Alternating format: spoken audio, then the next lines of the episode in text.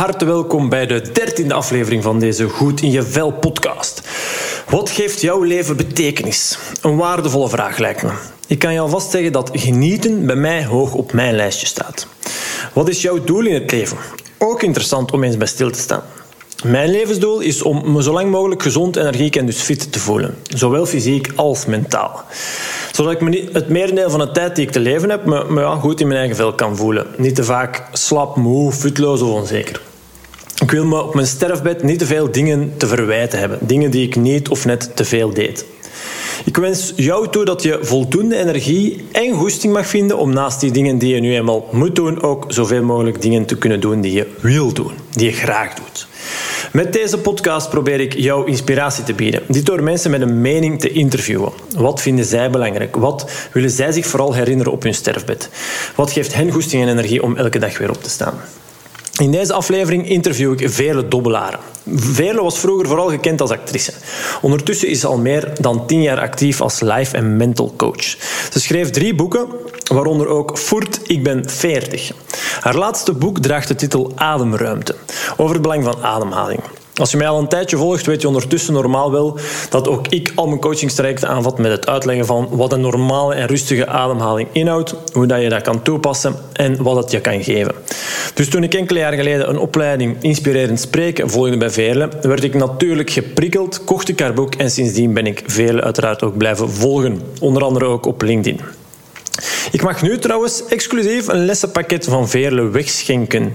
Eén dat ze speciaal heeft samengesteld om cadeau te geven. Geef wat ademruimte aan iemand die je dierbaar is. Dat mag ook jezelf zijn. In zeven stappen meer geluk en minder onrust. Wil jij dit winnen? Surf dan even naar wordfit.be-veerle en laat daar alvast je gegevens achter. In dit interview heeft ze het onder andere over fantastische dingen. Het zijn die die ze zich vooral wil herinneren. Net als de schoonheid die ze in vele vormen heeft mogen ervaren. Zij helpt net als ik graag mensen om stenen uit hun rugzak te halen. En ze speelde veel als kind. Anyway, ik zou zeggen, neem even een momentje voor jezelf en laat je inspireren door Veerle Dobbelaren. Goed, allereerst Vele bedankt om even tijd voor mij vrij te maken. Um, ja, even vooruitspoelen om te kunnen terugkijken. Stel, mm -hmm. je ligt op je sterfbed. Laten we hopen dat dat moment nog, nog lang weg blijft. Welke dingen wil jij je dan vooral herinneren? Oeh, welke dingen wil ik mij vooral herinneren? Hm. Um, de fantastische familie en, en, en het fantastische gezin dat ik uh, had en heb. Um, de prachtige vrienden, de vele mensen die ik mocht ontmoeten. Uh, de schoonheid die ik in mijn leven heb ervaren. In vele vormen. Um, schoon boeken, schoon films, uh, schoon beelden, schoon reizen, schoon mensen, uh, schoon gebaren. Um, en ook denk ik het feit dat ik veel mensen toch heb kunnen mee helpen of, of wat ondersteunen. Zo'n helpen wat steentjes uit de rugzak te, te halen die het lichter maakten. Oké. Mooi. Op een paar dingen wil ik zeker nog wel even verder op ingaan. Um, voor degenen die jou niet zouden kennen, het kan. Ja. Um, wie is uh, Vele Dobbelaren? Uh, wacht, ik ga hier wat boeken onder zetten dat je wat minder in mijn kin zit. Um, wie is Vele Dobbelaren? Ja, Vele Dobbelaren is de naam van een, een, een vrouw geboren in Sint-Niklaas in 1967. En um, ik heb uh, ja, als kind al, ik was wel een spelend kind. Ik speelde wel veel met mijn buurjongetje. En dan speelden we um, schoolmeester of schooljuffrouw of, of, uh, of um, komen eten of mamaatje en papaatje. Enfin, ik was wel een kind dat graag uh, verhalen verzon en daar uh, een vorm aan gaf. Ik weet dat ik als kind ook wel verhaaltjes schreef. Um, helaas heb ik dat niet bijgehouden. Dat zou wel leuk zijn om die verhaaltjes terug te lezen. Maar ja, ik heb, ze zijn er niet meer. Um, En dan ben ik uiteindelijk uh, Studio Herman Perling gaan studeren in 1986. Daar ben ik afgestudeerd in 1990. En dan ben ik als actrice op zowel Nederlandse als Vlaamse podia, maar ook op sets van tv-reeksen en films, heb ik mooie rollen mogen spelen. En dan ben ik opnieuw gaan studeren, omdat de mens mij interesseert. Maar ik wou het op een andere manier vormgeven. En dan ben ik als life en mental coach gaan studeren. En in 2009 ben ik daarmee afgestudeerd. Allee, afgestudeerd. De school van het leven is oneindig natuurlijk. Mhm. Dus ik volg nog wel elk jaar uh, opleidingen. Dit jaar is dat systemisch werk. ik vind dat heel interessant, dus ik, daar ben ik me nu in aan het verdiepen. En dus sinds 2000 sinds 2009 is ehm, de focus veel meer uh, gegaan naar mijn werk als uh, mental coach en, en werk ik veel minder als uh, actrice. Mm -hmm. Oké. Okay. Voilà. Je hebt ook een boek geschreven, Ademruimte.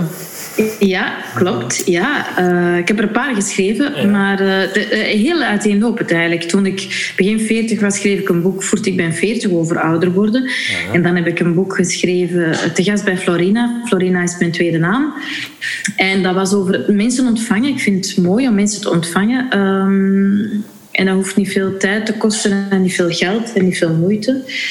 En dan mijn derde boek Ademruimte. Inderdaad, waar ik uh, mensen ja, inzichten geef, theoretische kennis en praktische tools om dus wat meer ademruimte. Um, ik herinner me dat in het begin van de coronacrisis, als je dan zo naar het nieuws keek en je zou de keren dat het woord ademruimte uh, vernoemd werd geturfd hebben en voor iedere turf een euro krijgen, dan, allee, dan kon ik zelf een vaccin uh, laten ontwikkelen.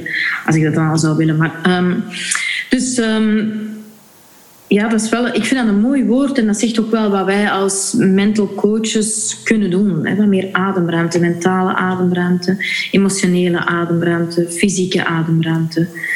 Um, Voilà. Dus en dan heb ik nu eigenlijk dit voorjaar de Ademruimte Academie opgericht, waar mensen even op adem kunnen komen. Dus dan krijgen ze tools, ook weer die inzichten um, om ja, de dingen te ontwikkelen die zij nodig hebben om beter vooruit te kunnen. Oké, okay, um, dat zal ongetwijfeld voor veel mensen verschillend zijn, maar er zullen ook wel uh, dingen zijn die ja, dat mag ik misschien niet zeggen, maar bijna toch, allee, toch niet voor iedereen misschien, maar toch voor heel veel mensen wel um, helpen, die, waar dat heel veel mensen iets aan hebben. Kan je, zo, mm -hmm. kan je zoiets, ja. Wat, wel, wat is het wel, dat je... Um, in mijn boek werk ik daar veel mee en ook binnen de academie is dat wel een goed begin. Namelijk via dat fysieke stukje uw adem binnengaan. Uw adem, ik omschrijf het in mijn boek als een soort superkracht wij gebruiken dat te weinig en dat is omdat er een gebrek is aan kennis wat, uh, hoe ons systeem in elkaar zit en hoe gedachten, gevoelens en, en, en, en, en je fysiek lichaam, hoe dat, dat eigenlijk samenwerkt. Als je stress hebt, dan vertaalt zich dat in je lichaam. Uh, kunt dat meten, dat is heel simpel. Hè? Je hartslag gaat omhoog, ademhaling versnelt uh, enzovoort. Maar dat werkt ook andersom. Als ik, als ik werk via mijn ademhaling en ik ga daarin vertragen, dan zeg ik eigenlijk ook tegen mijn brein: doe maar kalm. Er is eigenlijk niet zo gevaar, of toch niet zo'n heel groot. Hè?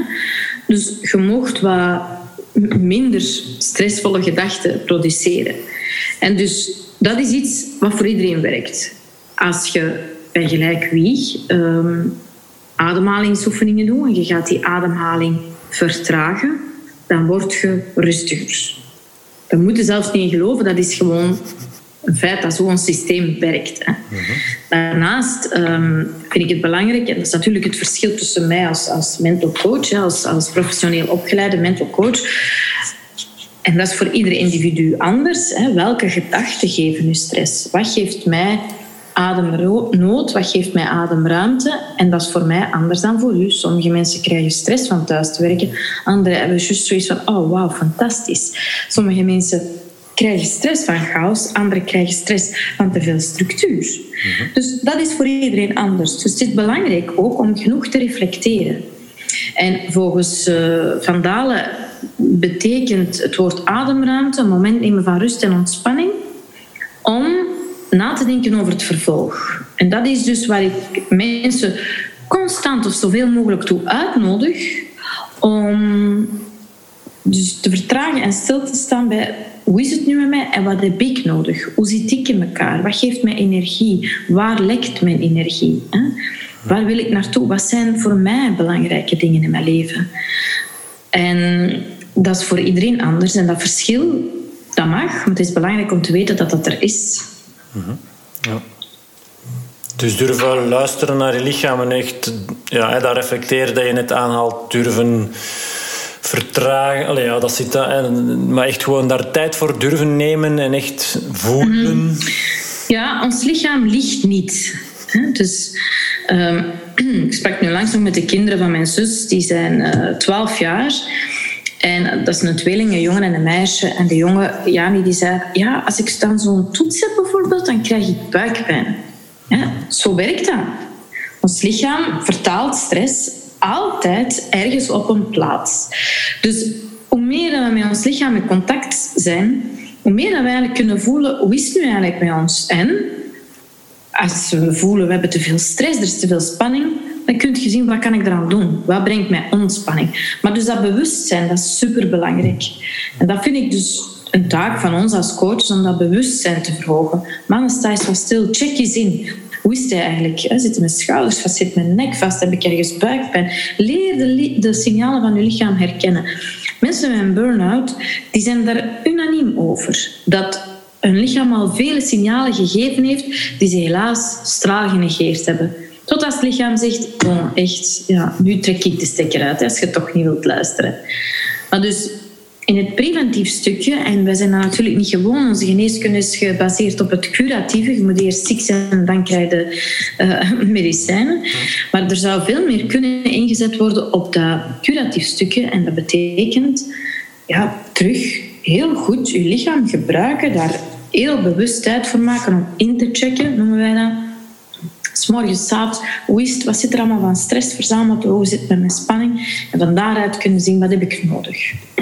En met dat inchecken bedoel je dan ook even bewust naar je ademhaling teruggrijpen of ook echt voelen? Mm, via de ademhaling. De ademhaling is een instrument om te kunnen inchecken of kan je gebruiken als instrument. Oké, gefocust op je ademhaling en dan worden we rustiger en dan kun je eens gaan voelen hoe is het nu. Want natuurlijk als je systeem te veel onder stress staat, als je het gevoel hebt ehm, dat er leven achter je zitten en je moet gaan lopen, als je systeem zo, zoveel adrenaline, cortisol enzovoort produceert, dan uh, is er geen tijd om bewust te zijn. Want dat lichaam denkt, sorry, daar kunnen we ons niet mee bezighouden. We moeten hier zorgen dat we op de vlucht kunnen gaan of dat we kunnen vechten. Hè?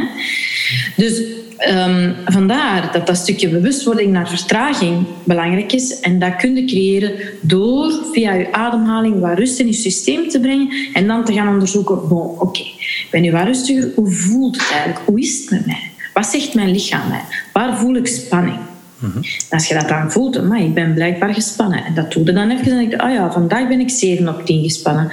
Ah, vandaag 6 op 10. Ah, vandaag 9 op 10. En dan kun je gaan zien, zijn er verbanden ja, het weekend ben ik ontspannen. Ah, telkens als ik een gesprek heb met die collega of die klant, dan ben ik precies wat meer gespannen. Oké, dus wat kan ik daaraan doen? Ja. maar het is eerst echt in kaart brengen. Hè? Ja. Wij, wij lopen te vaak achter de dingen aan, of we hebben het gevoel dat de dingen achter ons aanlopen. En dus in die zin is het super belangrijk om te zeggen: wacht, hoe is het eigenlijk nu? Wat is er allemaal? En dat is iets ja, waar je eventjes tijd voor moet nemen. Ja tijd. ja, ja, maar dat hoeft niet lang te zijn. Nee.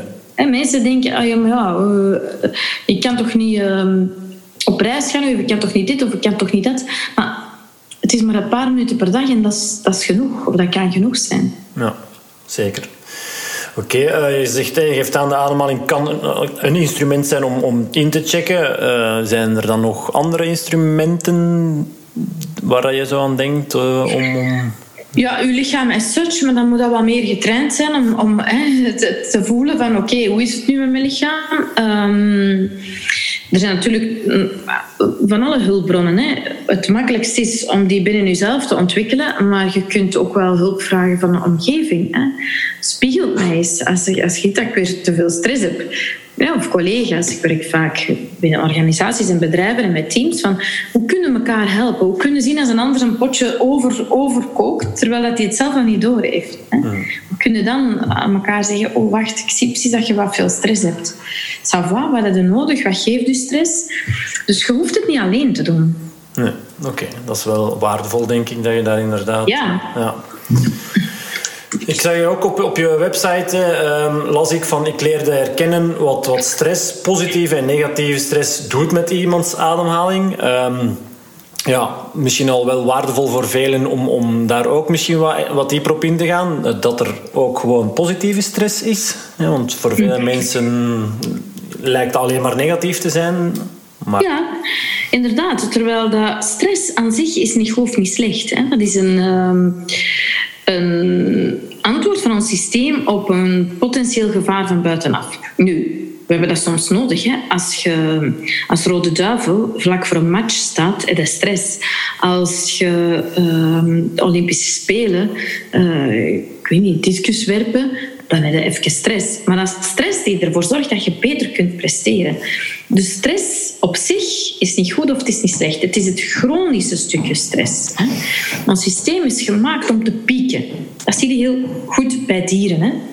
Bij roofdieren, die uh, gaan op jacht, die zetten dan alles op alles, die lopen allez, zich te pletter bij wijze van spreken, totdat ze een prooi hebben en dan rusten die. Dus dat systeem doet en dan gaat dat terug naar beneden en dan heeft dat genoeg tijd om te rusten. Maar wij zitten heel vaak piek. En vooraleer dat we helemaal tot rust komen, is er alweer iets nieuws. Waardoor dat we constant onder stress staan. En dan noemen ze dat chronische stress. En dat is degene waar we last van hebben. Maar ons systeem is gemaakt om heel... Uh, om stress te gebruiken als een manier, hè, hartslag gaat omhoog, bloeddruk, uh, ademhaling versnelt, om te kunnen vechten of vluchten. Ja. Dus een belangrijke prestatie mogen we wel wat stress voor hebben. Ja, zeker. Zolang als je niet constant onder stress staat. Ja, dus het is inderdaad het, het ja, onder stress staan, maar dan daarna het antwoord daarop ook gewoon terug tot rust kunnen komen en daar een evenwicht in, uh, in vinden. Ja. Ik, las ook, hè, dus... Hè, dat... Ja, en rust, dat betekent niet dat je nu zetel moet gaan liggen niks doen. Hè. Dat kan ook, dat kan iets zijn. Dat kan wandelen zijn, dat kan yoga zijn, dat kan uh, een boek lezen zijn, dat kan... Allee, wat u rust geeft, hè, dat is voor iedereen anders. Ja, dat kan actief uh, inderdaad zijn. Ja. Um, dus ik las van, oké, okay, de negatieve en de positieve stress... Um, wat dat doet met iemands ademhaling. Je hebt dat er juist al even aangehaald. Hè. Je hartslag gaat omhoog, dus die ademhaling versnelt.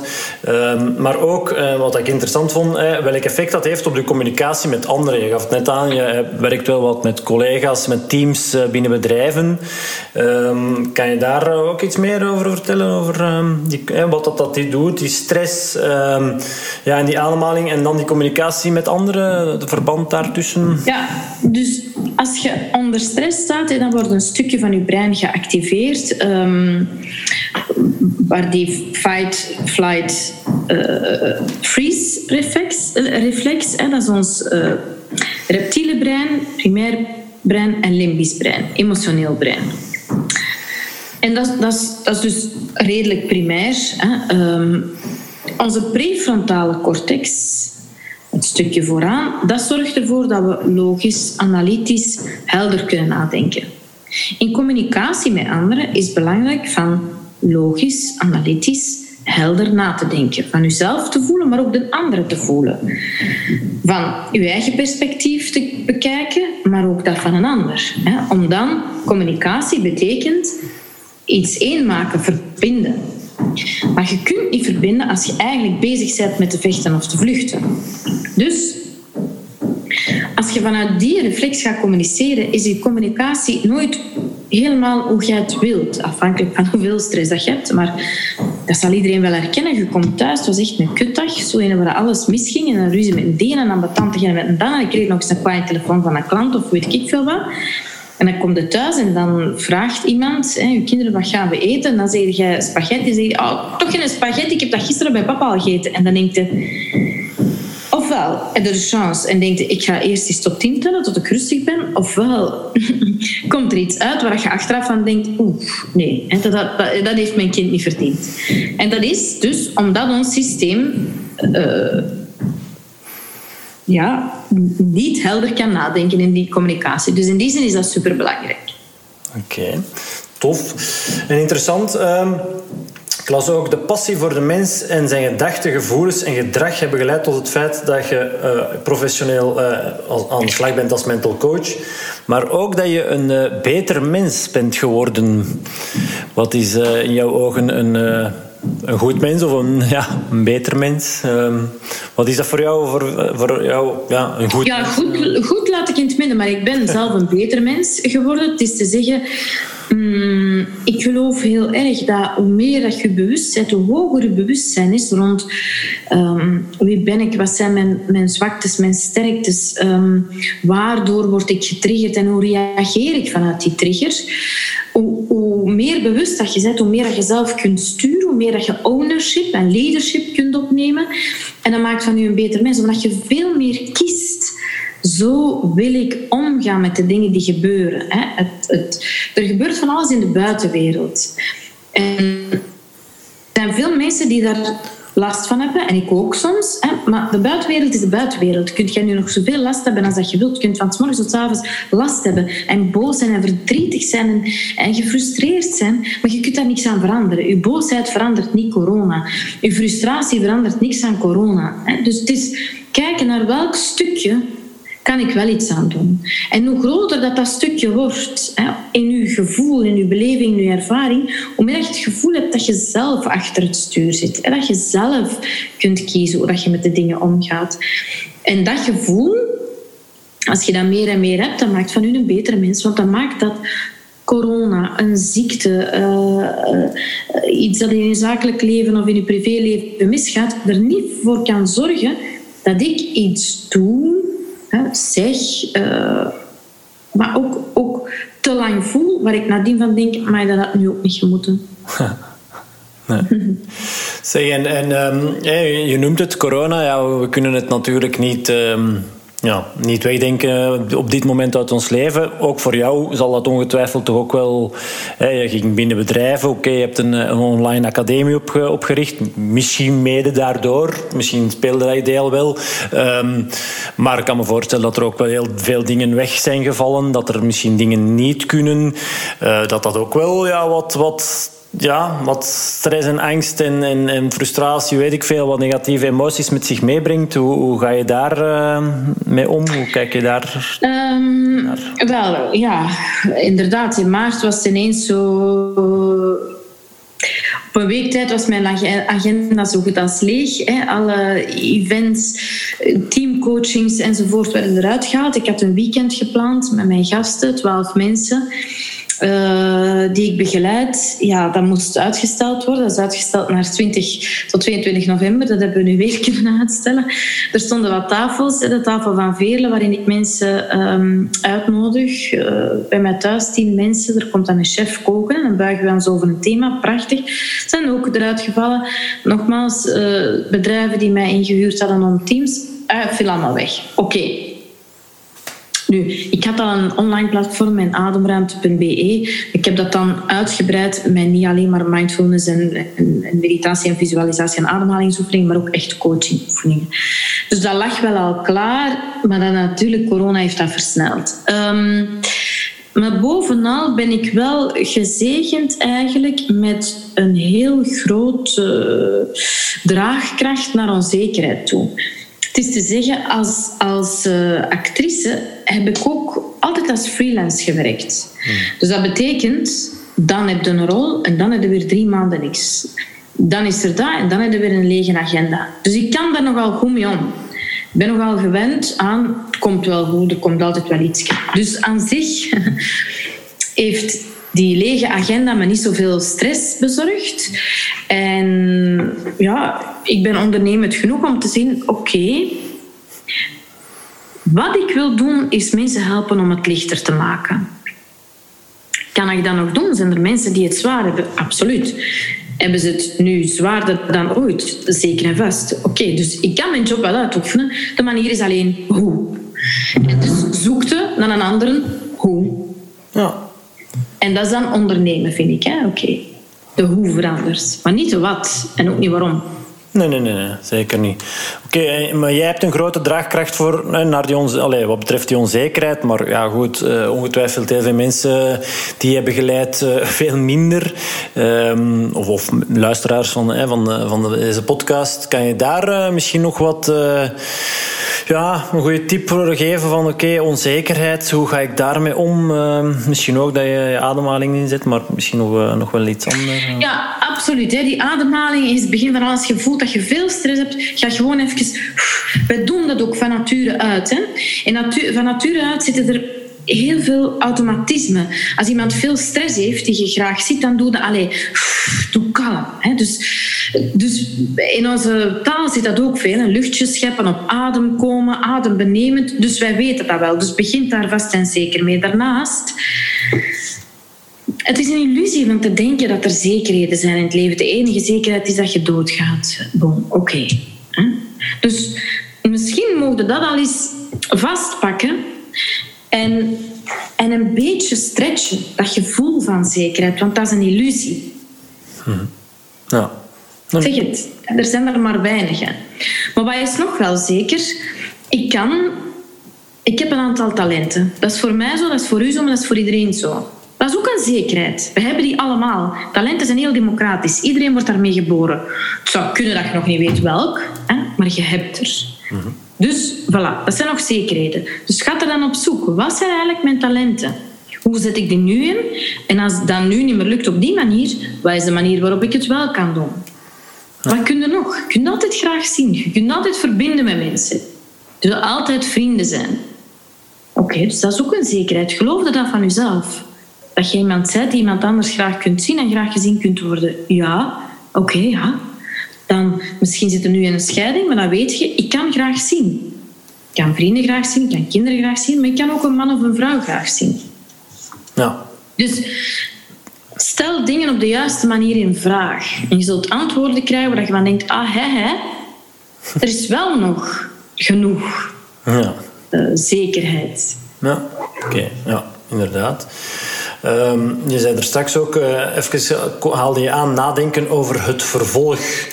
Um, wat, wat zijn jouw, uh, hoe zie jij dat, uh, ja, jouw vervolg van in het leven? Zijn er, zijn er nog dingen die jij Denk je daar soms over na van oh, de toekomst, dat en dat? Of, of pak je, leef je meer in het, uh, in het nu? Of uh, hoe, hoe zie je dat? Ik leef heel erg in het nu, maar wel, ik weet wel de richting waar ik naartoe wil. Ik heb een heel grote missie en ik ben heel gedreven daarom. Dus ik wil heel veel mensen ondersteunen en mee een stukje helpen dragen.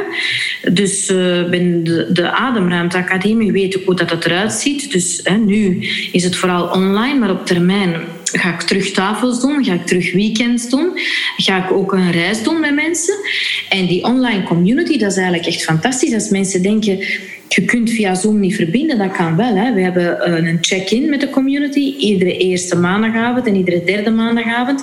En als je mensen samenzet en je, je creëert de juiste context en je stelt de juiste vragen, dan gebeurt er altijd iets fantastisch. Dus Um, dat is wat ik zeker en vast wil blijven doen op verschillende manieren. En ik weet dat die manieren er zullen zijn en ik weet dat er meer en meer mensen zijn. Dat is ook aan het gebeuren. Hè. De pijn is groot van corona, dus meer en meer mensen denken, nou doen we toch te veel zeer. Nu willen we eens iets anders doen. En dan komen die terecht bij mensen zoals, zoals ik of zoals jij of andere coaches die zeggen, oké, okay, we gaan u helpen. Ja, oké. Dus... Dag! Dus uh, richting bepalen van oké, ja, daar toch wel eens over nadenken van de toekomst. En, dat, dat, dat kan toch wel waardevol zijn voor velen. Ja, ik denk dat het belangrijk is om te zeggen, dat is gelijk als op vakantie ook. Hè. Um, voor mij hoefde niet iedere stap vast te zetten, want dat is jammer, omdat je dan soms de magic spots mist. Maar het is wel belangrijk om te kiezen, ga ik nu naar Zweden, Denemarken of naar Italië. Allee, hè? Dus kies naar waar wilde. En eens dat je dat dan gekozen hebt, staat dan open om onderweg de zijwegen te nemen. Of nieuwsgierig te zijn en zeggen, amai, dat ziet er dan een toffe plek uit. Je zou weer eens niet stoppen. Volgens mij is, is er iets te beleven. Maar zorg wel dat je weet of dat je een keuze maakt. Daar wil ik naartoe. En dan kan die onderweg nog wel veranderen, nogmaals. Maar anders is het heel uh, wankel. Dan voelen ze, ja, wat is nu eigenlijk? En dan het gevolg daarvan is soms dat je ter plaatse blijft staan. Dat je denkt, ik weet het niet, ik weet het niet. Nee. Okay. en, en um, ja, naarmate het ouder worden, je hebt een boek geschreven voor ik ben 40. Is dat... Ja, ondertussen zou ik er al één moeten geschreven voor ik ben 50. 50. um, ja, hoe is dat? Is dat, uh, is dat inderdaad veranderd uh, naarmate je ouder wordt? Uh, dat je, ja, dat je toch anders... Ja, wat is er veranderd? Ja, gewoon, uh, oké, meer die richting bepalen. Ja, ehm, maar nog ongetwijfeld veranderen er ook nog wel andere dingen. Je, je bent niet meer dezelfde persoon als dat je inderdaad in, in, je dertig was. Ehm, kan je daar iets over vertellen? Want voor veel mensen. Wel, ja. um, gelukkig ben ik niet meer dezelfde persoon. Dus te zeggen, we zijn in evolutie. Hè, en uh, ik hou heel erg van groei en persoonlijke ontwikkeling, dus dat doe ik natuurlijk zelf. Uh, ik ken mezelf beter, uh, wat we daarnet ook zeiden. Hè. Ik kan mezelf beter sturen, niet meer verantwoordelijkheid omdat ik meer reflecteer. Wacht, wat is mijn stuk hierin? Wat is mijn stuk in de omstandigheden? Um, waar kan ik iets van leren, van de dingen die misgaan?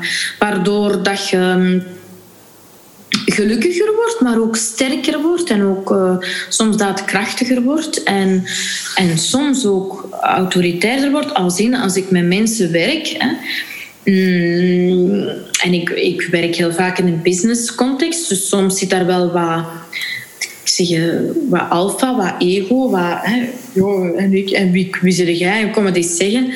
Dan heb ik echt geen moeite om te zeggen, bon, ik zeg dit, daarom en we gaan het zo doen. Niet? Oké, dan speelde jij niet mee, gaat dan even buiten op de gang staan. Maar wij gaan het zo doen. En dat is wel um, belangrijk, ook als coach, dat je durft confronteren. Ja, ja, ja zeker. het is niet altijd makkelijk, hè? Allee, het hoeft niet altijd... Allee, ik bedoel, als je inderdaad iemand die je begeleidt, ja, goed door soms de pijn te voelen of, of inderdaad die confrontatie aan te gaan, ja, ja dat, dat maakt nu eenmaal dat, dat mensen ja, kunnen groeien. Hè? Want als het altijd maar zomaar, eh, als je altijd in de comfortzone, af, af en toe uit de comfortzone komt, is ja. toch wel uh, ja. een hele belangrijke, inderdaad, denk ik. Um, in je boek Ademruimte um, geef je ook een oefening mee die, die zorgt voor meer balans. De wisselende neusgatenoefening. Ja, ja, maar ja. Wat? Ja, zeg maar. Ja, dat, ja, ja, ja, dat is een mooie oefening, vind ik wel. Ja.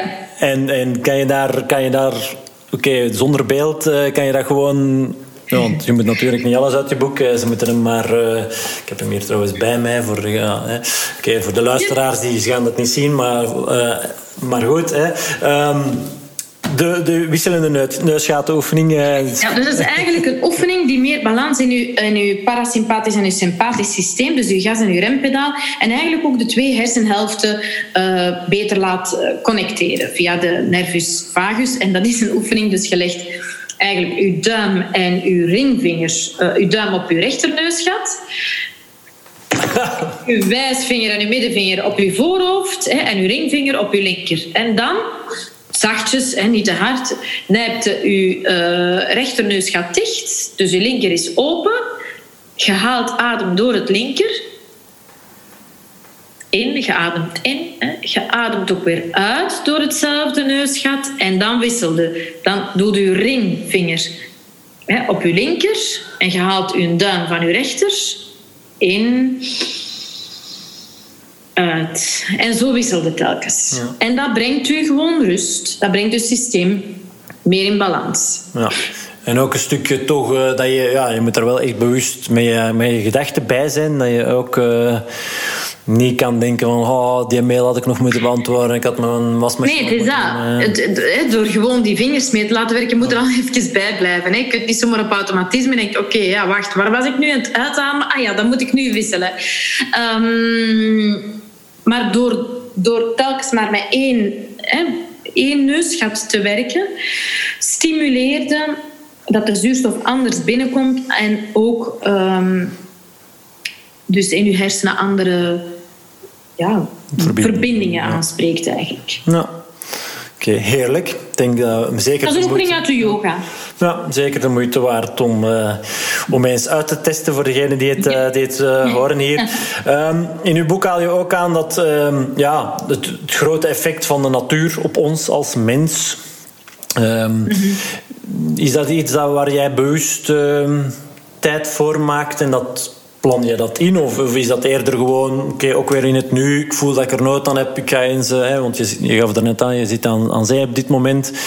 De zee is natuurlijk altijd toch een beetje vakantiegevoel, toch? Allee. Ja, ja, ja. Uh, ja, ja, ja, ja, ja. Mijn schoonouders uh, wonen hier, maar die zitten nu nog... Allee, die overwinteren in Spanje, die zitten daar nu, dus wij zitten in hun appartement. Je mag toch uh, niet... Allee, je moet toch telewerken, dus of, dan werken we liever vanuit de zee dan En uh, ja, dus morgens begin ik de dag met, met mijn hond Maurice aan zee te gaan wandelen. Dat doe ik normaal bij ons thuis in het parkje. Maar ik merk dat dat ja, mij veel brengt. Of ook hè, als ik dan gewoon thuis zit te werken, dan hebben wij een stadstuin, maar die kijkt wel uit op grote bomen. En gewoon daar, als je zo voelt van, oh my, het is een drukke dag met veel, pardon, van gewoon heel even mijn tas of koffie een paar minuten uit het raam te staren naar de bomen en de lucht en de vogels, dat doet iets met ons brein. Ons brein creëert rust. Dat is ook echt zo, hè? want als je veel voor je computer zit, die afstand is heel vermoeiend. Dus je moet en toe afwisselen door naar langer dingen te kijken en de natuur uh, brengt je gewoon veel meer rust. Dus al was dat je gewoon uit je raam zit te kijken naar wat bomen of naar de lucht en de wolken, dat helpt al om heel even zo te doen. Ja. Maar de zee is natuurlijk super. ik ga het mij niet horen zeggen. Nee, nee, nee. Um, dus gewoon af en toe eens, uh, niet per se daarom in, in een bos, in het midden van een bos gaan zitten. kan ook helpen, denk ik, maar goed. Um, ja. maar inderdaad... Maar ook bewegen, hè, dat moet ik u niet vertellen. Hè, dat je... Um, Allee, ik werk samen met Anne de Bisschop en de Bisschop is ook heel erg bezig met uh, welzijn en welzijn in bedrijven en organisaties. En die zegt, en die doet dat ook, wij, wij plannen, als we een call inplannen, dan is dat echt zo met telefoon, oortjes in en wandelen. Zegt, oké, je, je belt zoveel, bel terwijl dat je wandelt, dat je beweegt, dat je wat beweegt, dat je wat beweegt. We zijn niet gemaakt om constant op ons gat te zitten. Nee, nee, nee, nee zeker niet. Nee, nee. Um, ik, uh, ik, zou ook denk ik in je, in je boek uh, je aandacht richten op, op je zintuigen. Dat dat, uh, dat, dat heel waardevol kan zijn en kan helpen. Ja, wat ik net zei. Dus ons lichaam ligt niet. Wij overschatten ons brein. Wij zitten zoveel in ons hoofd. Hè, met de toetoes. Maar die zei. En had ik nu maar dat. En dan gaat weer dat gebeuren. En je kunt maar één ding tegelijk. Dus mensen die veel piekeren, zeg ik van... Maar ga eens gewoon... Gebruik je zintuigen. Ga eens echt proeven. Ga eens echt voelen. Je kunt maar één ding tegelijk. Dus als ik echt wil voelen, hoe voelt mijn hand nu? Ik kan niet echt voelen of echt kijken als om na te tekenen en ondertussen piekeren. Dat gaat niet. Nee. Dus uw zintuigen helpen u om rust, hè, om je rustsysteem in gang te zetten. Ja, om inderdaad te Rest and digest. Hè? Ja. Oké, en, en um, het voelen van emoties, want ook daar, uh, we zijn nogal eens geneigd als mens om, om die ja, weg te duwen, laat ons zeggen. Uh. Ja, als mens, als Vlaming, hè, er zijn culturen waar dat dan meer mag, maar als Vlaming is, zijn maar sterk en zijn maar flink en doe niet flauw. Ja, ja, nee, nee, ja. iets dat we in onze kindertijd uh, meegekregen hebben. En, uh, yes. ja. ja. Dus ja, inderdaad, wat kan, wat kan je daarover vertellen? Over inderdaad het voelen van emoties, dat dat bijdraagt tot u beter voelen of tot rust komen? Of... Um, ja, als acteur ben ik natuurlijk vertrouwd met emoties. Hè. Dat is uh, een, een, verhaal, een film, een reeks, een toneelstuk, een boek waar geen emoties in zitten. Ja, dat doet ons niks. Hè. Nee. Emotie komt van het Latijn emovere, in het Engels emotion. En eigenlijk is dat energie in beweging. Energy emotion. Ja. Dus als er beweging is, dan is er emotie. En dat is belangrijk dat je dat goed beseft. Dat als je je emotie onderdrukt, zet iets vast. Maar ik wil niet vastzitten. En met de mensen met wie ik werk, die zitten misschien al zo lang vast dat ze denken, nu wil ik eens loskomen. Dus emotie is nodig. En de positieve emoties, daar applaudisseren we voor. Hè. Ja, blij zijn en vreugdevol en verwonderd. Maar angstig zijn of verdrietig zijn of boos zijn, dat mag veel minder. Terwijl het een is niet goed en het ander is niet slecht. Dat is gewoon een emotie. Hè. Dat is energie. En dat mag bewegen. Dus je mag wenen als je verdrietig bent. Je mag boos zijn. Dat betekent niet dat je iemand uitscheldt. Maar voel die boosheid maar en vind dan manieren. Hè, van oké, dan ga ik eh, hard op mijn bal knijpen of dan ga ik lopen, whatever. Maar emoties onderdrukken, op een dag zetten die zich zo vast dat je er echt last van krijgt. Dus dat is voor niemand gezond. Dat is gewoon niet gezond. Kijk naar kinderen. Die kunnen dat heel goed. Er gebeurt iets, de lolly wordt afgepakt en die wenen. Drie minuten later is het over. Dan zien ze een poes die voorbij loopt. denken ze, oh ja, dat is een poes. Dus het gemak van kinderen... Wij zijn dat kwijt, maar we kunnen dat wel, want we hebben het allemaal ooit gekund. Dus dat gemak van nu te wenen, nu boos te zijn, nu blij te zijn, nu verwonderd te zijn, dat zouden we allemaal onszelf terug veel meer mogen gunnen. Ja. In plaats van naar binnen te houden en groot en sterk en flink te willen zijn. Ja. Ja, dat is ook iets wat ik inderdaad vaak uh, aan mijn cliënten zeg. Zo, terug durven kind zijn. En, inderdaad, uh, ja, dan ben ik helemaal... Uh, ik denk dat het ook waardevol kan zijn om, om eens terug te durven gaan naar je kindertijd en eens na te denken van wat deed ik, wat deed ik graag als kind. Hè, wat je er straks al zei met je, met je buurjongetje. Ehm, verhalen vertellen en, en spelenderwijs. Uh, ik denk dat jij een mooi voorbeeld bent van iemand die dat, ja, die dat ja, hetgeen wat jij als, bent als kind en was als kind, dat je dat bent gevolgd, maar dat daar voor veel mensen wel nog uh, heel wat uh, mogelijkheden en opportuniteiten liggen om, om inderdaad daar eens gewoon over, over na te denken. En dat kunnen kleine dingen zijn, denk ik. Hè. Bijvoorbeeld, geef mij een bal en een muur en, en ik sta tegen een bal, ja. dat, dat, een bal tegen de muur te trappen en ik voel me ook terug, terug kind en ik ben mhm. ook weer al met mijn gedachten ja, gewoon met een bal en uh, zien dat ik uh, die goed raak en voor de rest niks meer. Dus dat oh, kunnen, ja. Ik, uh, ja. sommige mensen hebben dromen opgeborgen. Terwijl je mocht die wel terug van onder het stof halen. En dat betekent niet dat je uh, hals over kop een andere job moet zoeken. Maar je kunt dat wel eens nadenken, wat kan ik er wel mee doen met een bal? En ik moet geen shotter worden. Maar ik kan misschien wel een nieuwe hobby of ik kan misschien wel af en toe een keer dat gewoon doen voor mezelf. Hè? Ja, ja, ja. Het, is dat, ja, ja. het is niet dat ik ambiëren een profvoetballer te worden. Nee, dat, voilà. Gewoon uh, voor het plezier, inderdaad. Yep. Ja. Um, ik las ook uh, op, op jouw website, ik geloof dat we allemaal beschikken over de bronnen die nodig zijn om een leven vol lichtheid, plezier en schoonheid te leiden. Zijn dat uh, drie um, begrippen waar, waar... Ja, ik vind schoonheid superbelangrijk. Dat kan echt uh, troosten, vind ik. Er is veel lelijkheid. Uh, mensen die polariseren en elkaar dan uitschelden, uh, stress, negatieve gedachten. En ja, in, in, overal is er schoonheid. Dus het enige wat je hoeft te doen is, is goed kijken. Ik zeg het. Ik ken niemand die als hij naar de lucht kijkt, gelijk hoe dat hij eruit ziet, of dat dat nu met wolken is of zon, zegt, amai, dat is lelijk. Hè? Dus, dus daar ligt al de schoonheid. Um, dus schoonheid en troost gaan zeker samen. Je wordt daar ook echt vrolijker van. Dat geeft je energie, schoon dingen.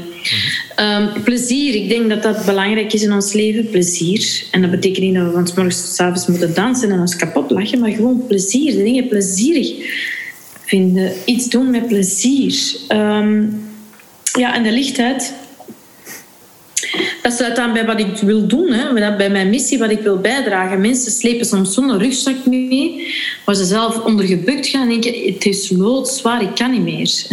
Ja. En daar, dat hoeft niet. Ik hoef dat niet te, mee te dragen. Dus maak het licht. en dan komt het plezier vanzelf. Hè. Ja. Maar het zit allemaal verwezen. Hè. Door schoonheid te zien, zie ook, wordt het wat lichter en wordt het plezieriger. Ja. Dat zijn wel drie belangrijke dingen voor mij, ja. ja. Ja, mooi. Ik zag het staan. Ik denk, ja, lichtheid, plezier en schoonheid. Ik denk ook dat dat waardevol kan zijn voor mensen, hè, om eens na te denken. Ja, ja oké, een leven vol vol wat. Ja. Vol, uh, bij mij is dat ook goesting en energie bijvoorbeeld. Is voor mij mhm. iets uh, dat je mm zin hebt om door het leven te gaan. Om s morgens op te staan, om van alles te doen. Uh, en dat je inderdaad voldoende energie hebt. Maar ja, een leven vol en mhm. dan puntje, puntje, puntje. En wat komt daar dan achter en wat, wat vind je belangrijk? Dat is, ja, ik zeg het mhm. staan, lichtheid, plezier en schoonheid. Ik denk, ja... Um, mooi. Uh, wat ik ook, um, ik weet het niet, invul in je, in je boek of, of um, ja, ik volg jou uiteraard al, alleen al een tijdje. Ik heb ook uh, eh, vorig jaar ergens denk ik eens een opleiding bij jou gevolgd. Uh, mm -hmm. meditatie. Uh, klinkt voor heel, voor heel veel mensen ja, heel, heel zweverig. Mm -hmm. maar ja, ik, ik, las het ergens uh, in, in de voorbereiding van dit interview. van, je zei ook ergens van de beste CEO's uh, in de wereld uh, mediteren ook. Um, ja, wat, wat, wat, zie je, wat versta je onder mediteren? Uiteraard. Ja, gelukkig is het steeds minder zweverig. in de sportwereld wordt het meer en meer gebruikt. Borlée-broers mediteren een uur voordat ze moeten presteren. Harari, de grote geschiedkundige schrijver, mediteert twee à drie uur per dag. Hij gaat 30 dagen in stilte per jaar. Um, ja, mediteren is eigenlijk bewustzijn, een training in bewustzijn. Ja. En er zijn verschillende technieken, maar eigenlijk ene keer bewust in- en uitademen, dat is mediteren. Dus er is niks zweverigs aan. Het is um, ruimte maken om naar binnen te gaan. Hè, dus, en van, van binnen naar buiten te kijken. We zitten te veel van buiten naar binnen. Iemand gooit iets in onze bak en wij, wop, wij kletsen dat terug. Terwijl het is van binnen naar buiten. Hoe zit het bij ons? En mediteren nodigt echt uit om uh, ja, daar, daar, daar letterlijk bij stil te staan of bij stil te zitten. En dus tijd nemen om via uw ademhaling, via een zin, via een woord, via een beeld, gewoon heel even te zien van wat denk ik nu, wat voel ik nu, um, wat hoor ik. Uh, dus echt investeren in vanuit een plaats van rust en stilte, hoe onrustig dat ook is. Hè. Maar het is niet omdat je het niet ziet dat het er niet is. Hè. Soms uh, werk ik met mensen die dat nog nooit gedaan hebben. En dan, en dan geef ik een kleine meditatieoefening. Hè, ademhaling, mindfulness. Hè, hoe is het nu met u? Kijk eens naar uw gedachten. Hoe voel en zeg dan, maar zeg, echt, ik kan niet Ik word echt zot. Ik ben zo onrustig. Ja, maar het is niet omdat je niet wilt zien dat je onrustig bent, dat je niet onrustig bent.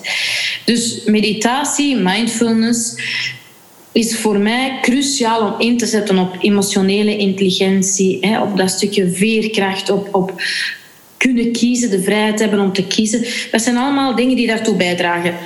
Steven Lorijs, een van onze topdokters en een neuroloog, heeft dat ook eh, een paar jaar geleden ontdekt en heeft daar een prachtig boek over geschreven, een nonsense meditatieboek. De wetenschap meer en meer komt met ondersteuning over wat mediteren u kan brengen. Hè. Um, kunt beter tegen pijn. Je bent stressbestendiger, je bent gezonder, het doet iets met je immuniteit. Dus vele redenen om dat toch maar een keer te doen. Ja. En toch een kans te geven. Ehm, je verwijst net naar Harari en, en, de stilte.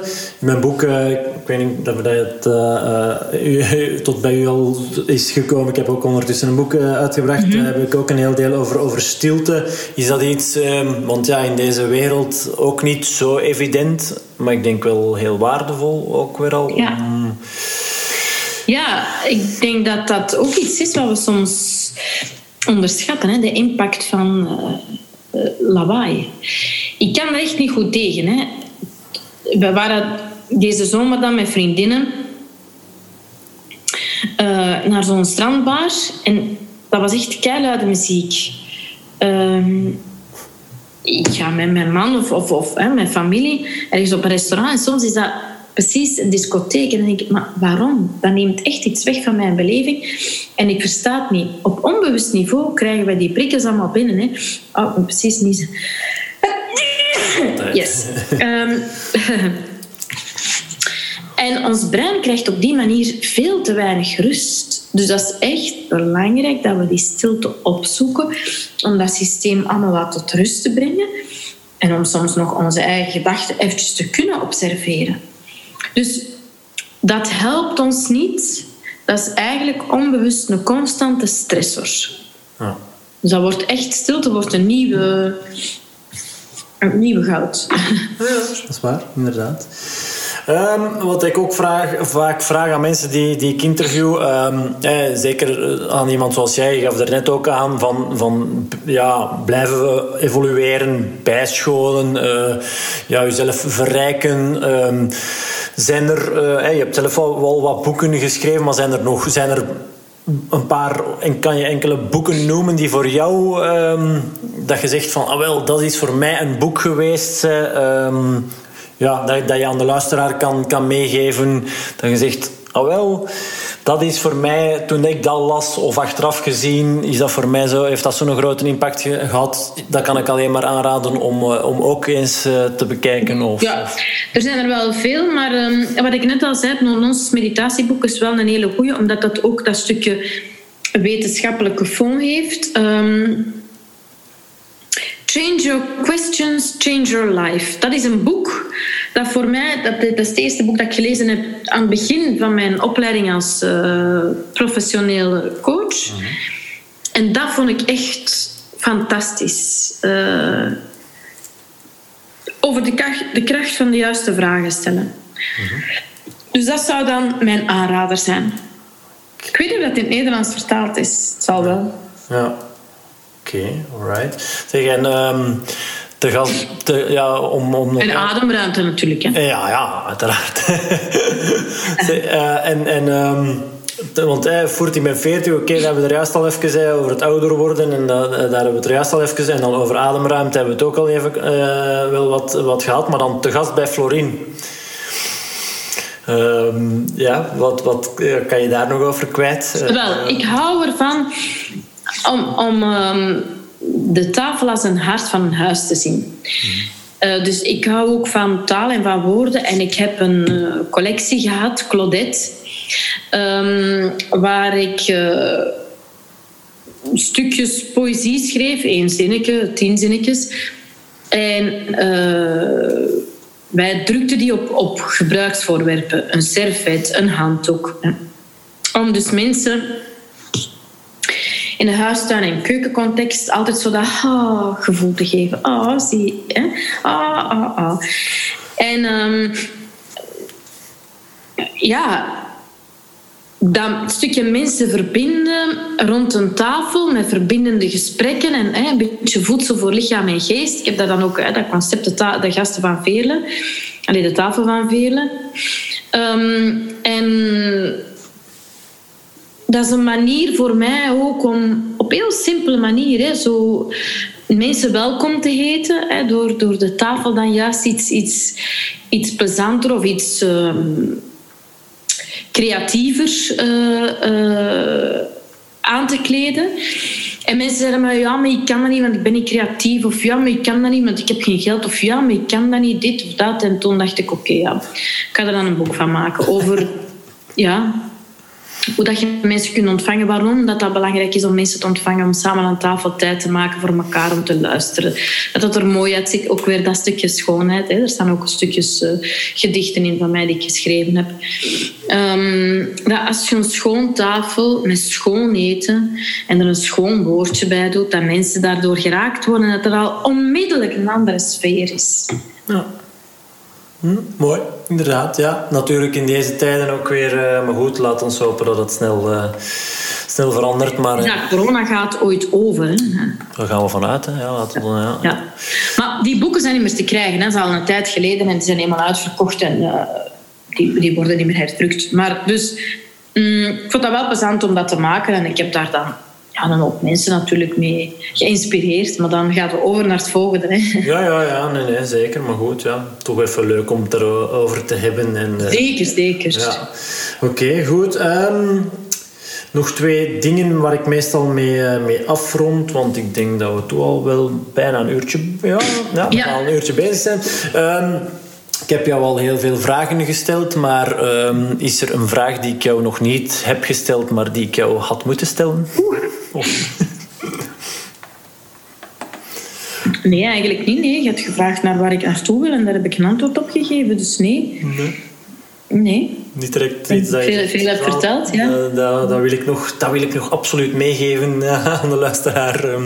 Nee, nee, nee. nee. Oké, okay, nee, dat is zoveel te beter. Ja, als mensen benieuwd zijn naar mij, dan mogen ze altijd een berichtje sturen. Ik, uh, ik zeg het, ik, ik, ik, verbind graag met mensen. Dus, uh... mm ja, Oké, top.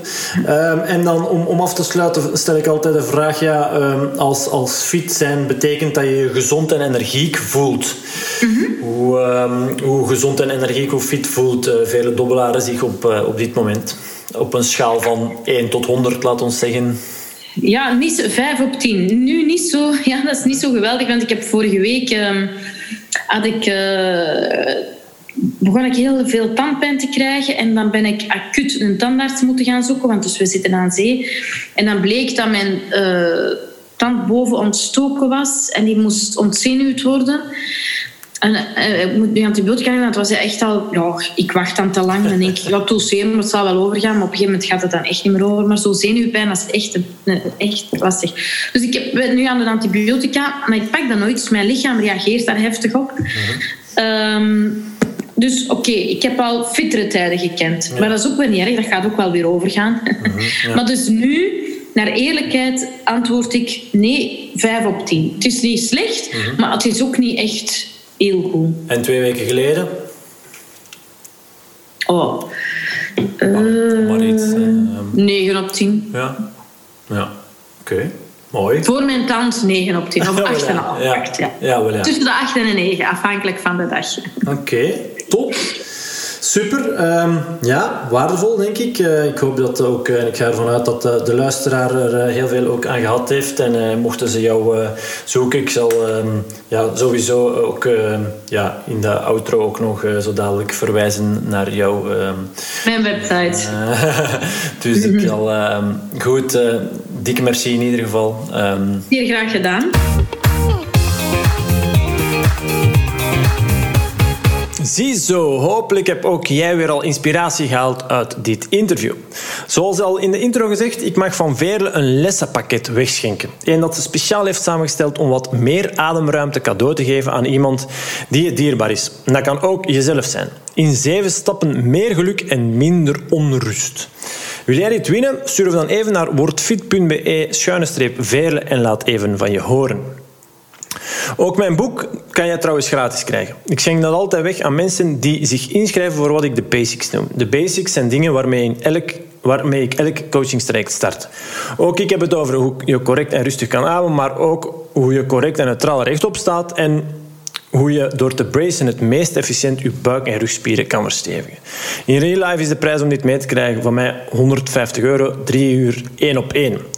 Maar via de online WordFit Academie bied ik dit aan voor geen 150, maar 97 euro. Als luisteraar van deze podcast krijg jij nu de kans om je te registreren voor slechts 39 euro. Dat is een mooie besparing van 150 min 39, 111 euro. Bovendien krijg je mijn boek Fit zonder fitness, de handleiding voor een leven vol goesting en energie, dat 19,99 euro kost in de boekhandel, er nog gratis bij. Ik stel voor dat je even surft naar wordfit.be-start. Als je verandering wil, moet je nu eenmaal ergens starten. Starten met starten is de boodschap die ik wil geven. Het is wetenschappelijk aangetoond dat als je nu eenmaal de eerste hobbel hebt genomen, er een realistische verwachting is dat je doel ook echt bereikt. En dat leidt dan weer tot motivatie, dus ideaal lijkt me. Neem even maar een kijkje op wordfit.be-start.